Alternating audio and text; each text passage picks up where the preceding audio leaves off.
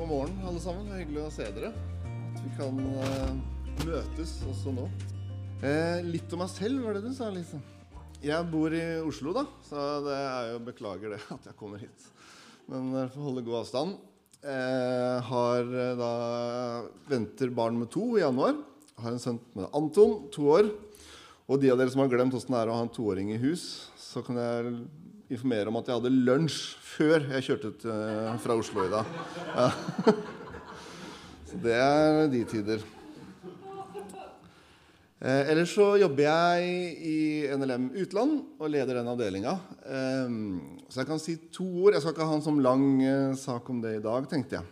Eh, men kort så kan vi jo si at vi hadde veldig mange av misjonærene var hjemme i løpet av det siste halvåret. Eh, nå er det rundt 80 stykker som er rundt omkring i verden. Og veldig glad for å ha så mange ute. Eh, etter ja, masse vurderinger og sånn, så har mange reist eh, ut igjen. Eh, en ting som jeg liksom har lyst til å prøve å minne mange på om dagen, er at en del har vært ute under hele tiden. Mellom 20 og 30. Eh, og det har vært et tøft halvår for mange. Det er ganske lenge å leve under koronapresset som usikkerhet osv. Så, videre. så det er viktig at en del av de nå kommer hjem til jul, f.eks. på ferie. Og så husk på de. Spesielt de som har vært i eh, Peru, som jeg ofte minner om. Det er liksom lett å snakke om de, for det er så tydelig. Når det er 169 dager i lockdown, så er det ganske lenge før du da er ute igjen.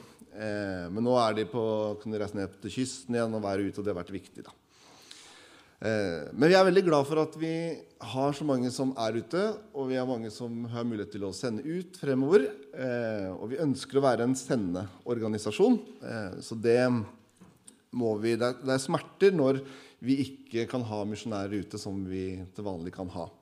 Og vi til vanlig er godt over 100 misjonærer.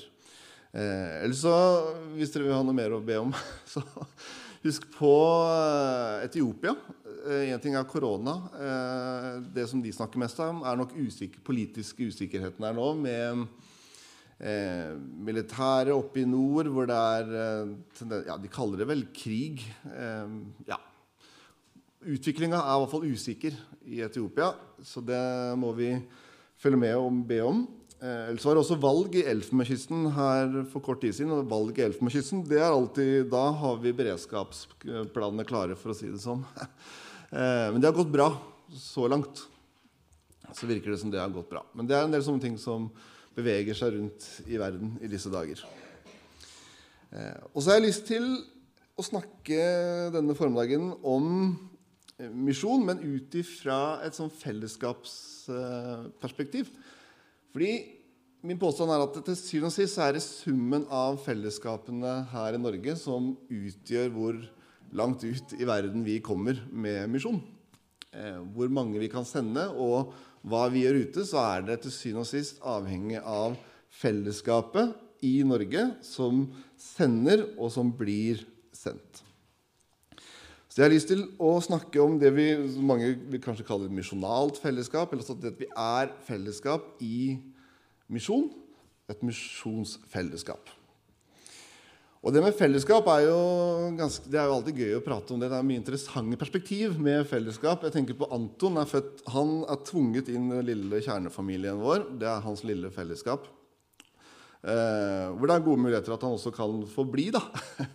At vi smalt fingeren hans i døra her om dagen i bilen. Da tror jeg han var rett før han droppa oss. Men altså, han er en del av det fellesskapet. Men så er det også en del av det kristne fellesskapet, det kirkefellesskapet vårt. Eh, og det er jo mer det å være med og lage fellesskap hvor vi tror og håper han kan trives i, i hans framtid. Og den bønnen 'Bevar Anton', som han ber hver kveld, man gjør jo det av en grunn. Man ønsker å skape fellesskap hvor Anton vil trives. Og det har jeg tenkt en del på. Jeg er med på en sånn eh, kirkeplanting på Tøyen i Oslo. Eh, og det å da tenke hva slags fellesskap kan vi nå være med å lage som Anton også vil trives i når han blir både 40 og 70 år. Det er noen sånne store spørsmål. Så jeg skal ha fire punkter om det med fellesskap. og en sånn Grunntone da er dette med misjon og misjonalt fellesskap. Mitt første punkt er det jeg alltid syns er litt kleint å prate om. og Det kaller jeg da elskende fellesskap. Vi skal elske hverandre. Og sånn, sette det i perspektiv, Jeg husker første gang Marie sa 'jeg elsker deg' til meg. Da sa jeg 'Å, så bra'. Så gikk jeg videre. Det syns jeg var så kleint. Eh, så der er jeg på det punktet. Men vi kommer ikke utenom at det til syvende og sist er ganske viktig. da. Det å være et elskende fellesskap. Og jeg tror det finnes en sykdom som, er, som heter så mye som å gå hverandre på nervene-sykdommen. Eh, og Den tror jeg inntreffer fra vi blir født og til vi dør. Den er hele livet der. Og den slo jo veldig tydelig ut i tenåra for min del, med foreldre. Eh, og så ble den jo også kanskje forsterka når man gifta seg. Og det er jo nok jeg går henne med på nervene, bare så det er sagt. Jeg husker, som, jeg husker første gang vi skulle kjøpe teppe til leiligheten. Var på Ikea, og jeg ville ha sånn persisk teppe. Og Det ble aldri noe teppe på Ikea. Det ble bare krangling i bilen, og det ble grining i bilen tilbake. Og jeg tenkte vi kommer til å gå hverandre på nervene. Og det gjør man jo innimellom. Sånn er det. Og så har jeg tenkt på Jesus i den konteksten, å gå hverandre på nervene. Som gikk sammen med disiplene sine i tre år. gikk han sammen med den samme gjengen. Han så de samme ansiktene dag ut og dag inn. Når han gikk på en vei, så fulgte de etter. Gikk han inn i et hus, så kom de sannelig med en hatt etter der òg. Gikk han i en båt, så var de der sammen med han hele tida. Og han holdt ut med den gjengen. Og han holdt jo ut med alle de synlige uvanene deres. Som alt fra de hverdagslige snorkinga til liksom hva de sa av dumme ting. og alt denne tingene. Man holdt jo også ut med de usynlige, rare tingene de må ha tenkt. De stygge tingene de har tenkt. Han visste om den fremtidige tvilen til Thomas. Eller kanskje den var der allerede da. Og han visste at Jesus en dag skulle forbanne ham. Og jeg tenker han må ha vurdert å bytte gjeng. For han så alt det de gjorde rundt ham. Men Jesus byttet aldri gjeng. Han elsket gjengen som kranglet om hvem som var størst av dem. Han elsket gjengen som sovnet når han trengte de som mest. Og han elsket gjengen som det kanskje var vanskelig å like innimellom. Og jeg tror Skal vi forstå hva fellesskap er, så må vi starte med å forstå hvordan Jesus behandler et fellesskap. Han elsket fellesskapet, han tilga fellesskapet, og han tjente i fellesskapet. Og det gjør han også overfor våre fellesskap i dag. Når vi leser i Johannes og påskemåltidet Johannes, så kommer det veldig sånn tydelig fram hvordan Jesus behandlet sitt lille fellesskap med disiplene. I Johannes 13 så leser vi at de kommer inn i rommet hvor de skal ha måltidet. Og I det rommet så må det ha vært et vaskefat og et håndkle. noe i den duren. Så kommer de inn i det rommet. Så setter de seg ned på gulvet der de skal spise, og Jesus sitter helt sikkert sammen med dem. Og Da leser vi jo i Johannes 13 han hadde elsket sine egne som var i verden, og han elsket dem helt til det siste. Men så er det ingen av disse disiplene som tar det ansvaret med å ta det vaskefatet og begynne å vaske de andre sine føtter. Og Kanskje ikke de gjorde det fordi det var alltid rollen til den tjener, tjeneren som var nederst på rangstigen, som gjorde det. Og Til slutt så er det Jesus som tar vaskefatet, og som begynner å vaske føttene til disiplene. Og så sier han når jeg som er Herren og Mesteren, har vasket deres føtter, da skylder også dere å vaske hverandres føtter. Og Tenk litt på hvem han egentlig vasket. Det var 24 føtter som stakk av når han trengte de. Det var to føtter som tilhørte Peter, som skulle forbanne Jesus. Det var de to føttene til Judas. Det står ingen steder at han hoppa over ham. Og han viser disiplene at de skal tjene hverandre og elske hverandre. Og kanskje enda viktigere så viser han dem hva slags tilgivelse han har kommet for å gi dem allerede før disse dagene i påsken. Og så sier Johannes da utover i, kapittel 13 så skriver Johannes Et nytt bud gir jeg dere, sier Jesus. Dere skal elske hverandre. Som jeg har elsket dere, skal dere elske hverandre. Ved dette skal alle forstå at dere er mine disipler, at dere har kjærlighet til hverandre.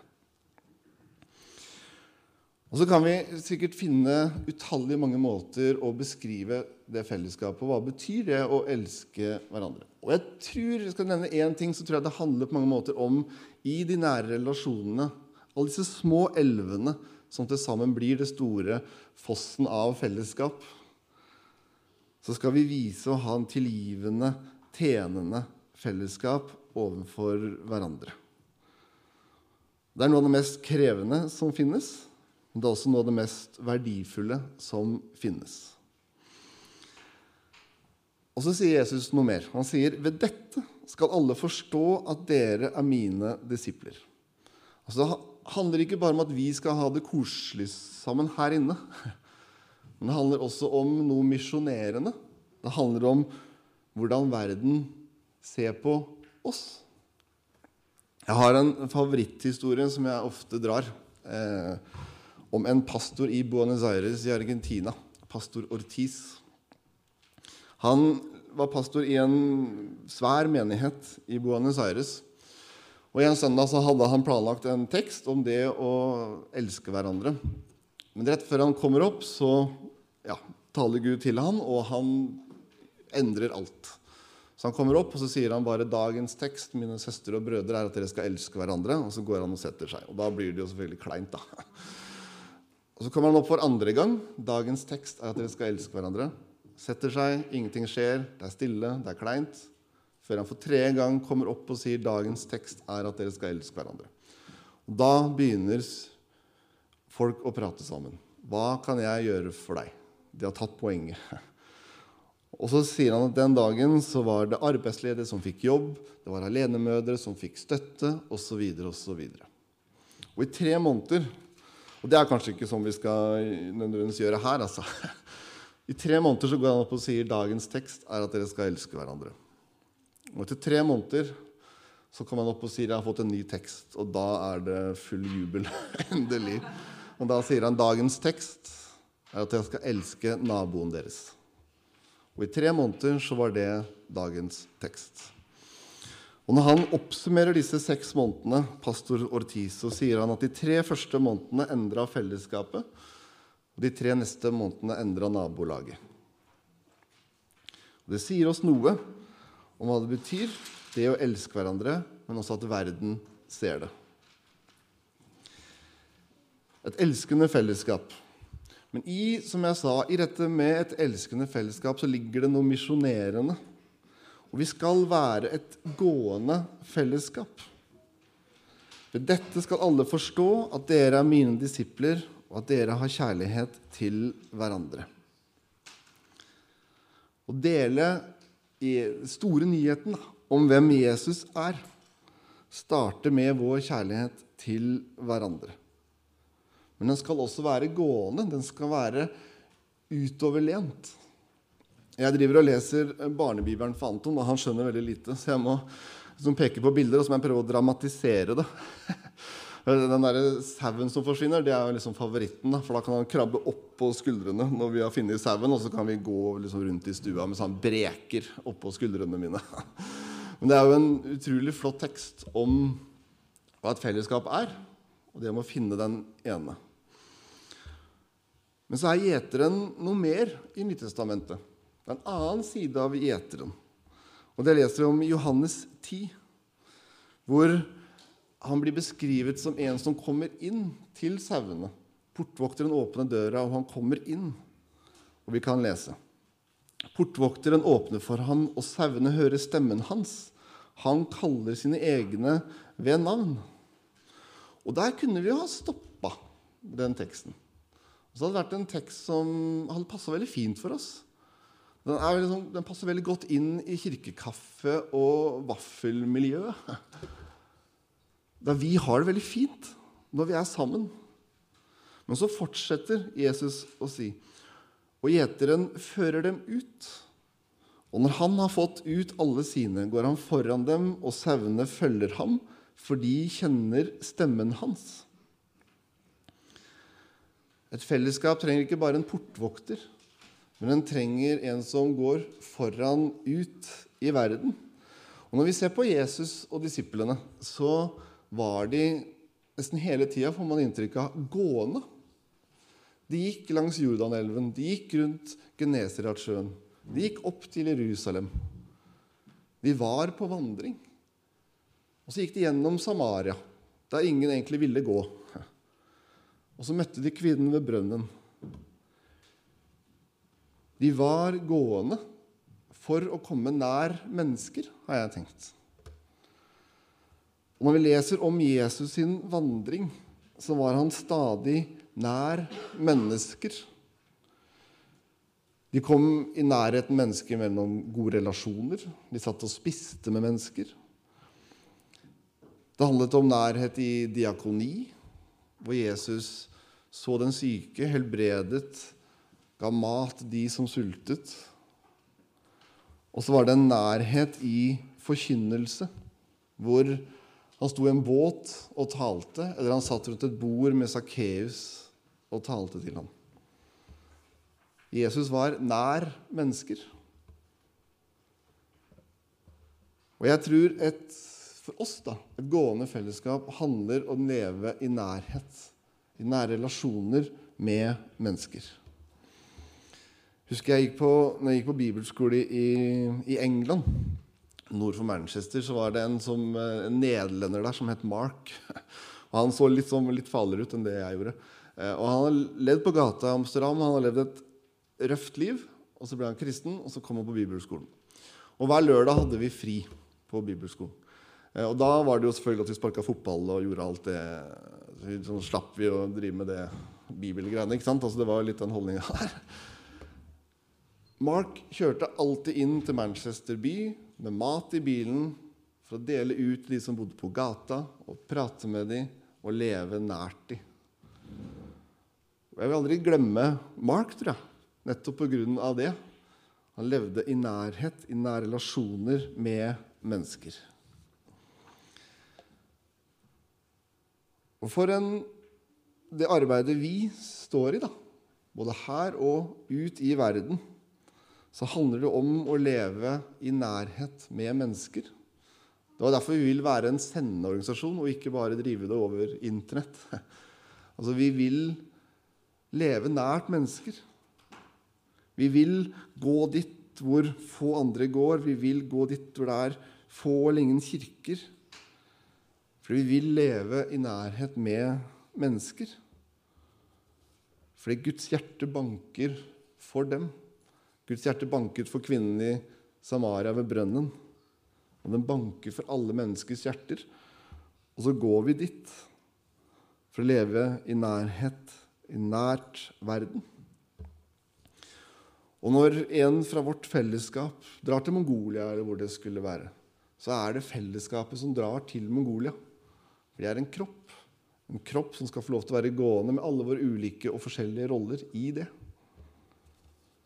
Og så går vi til Mongolia, eller hvor det skulle være, som et fellesskap.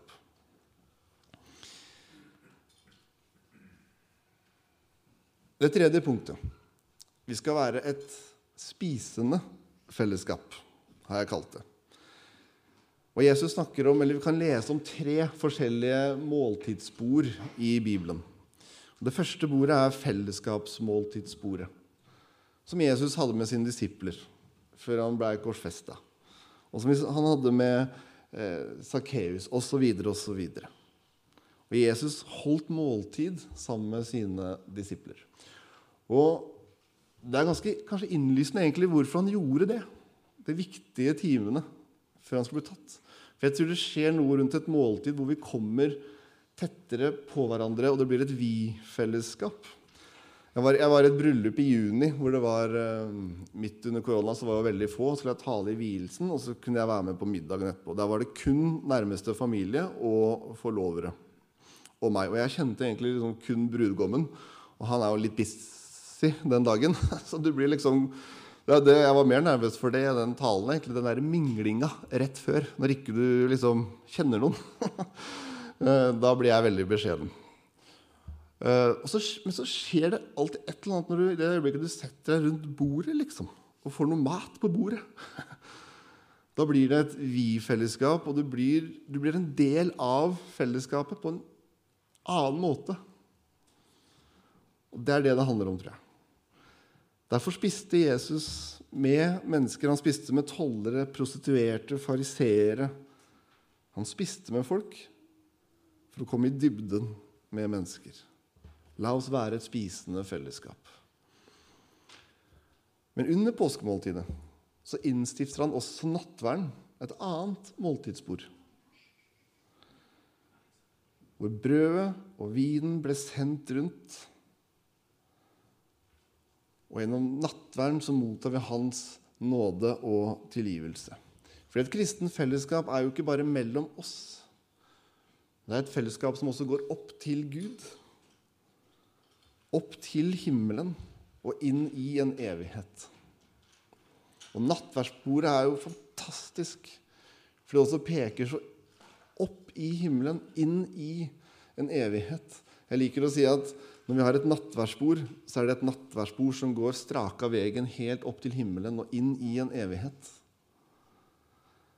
Nattverdsbordet binder sammen bordet som skal være der under festmåltidet i himmelen. Ett bord. Og himmelbordet som vi en dag skal få lov til å være sammen i, med alle folkeslag, alle folkegrupper, hvor vi skal få lov til å glede oss sammen med Gud. Jeg, jeg sier liksom for spøk noen ganger at eh, jeg syns vi skulle ha dansa fram til nattverdsbordet. Men det, men det, mener jeg at det er jo et fantastisk gledesmåltidsbord. Hvor vi også får lov til å se inn i himmelen og i en evighet. Vi skal være et spisende fellesskap, og vi skal få lov til å invitere en hel verden til det spisende fellesskapet og inn i en evighet med et himmelbord.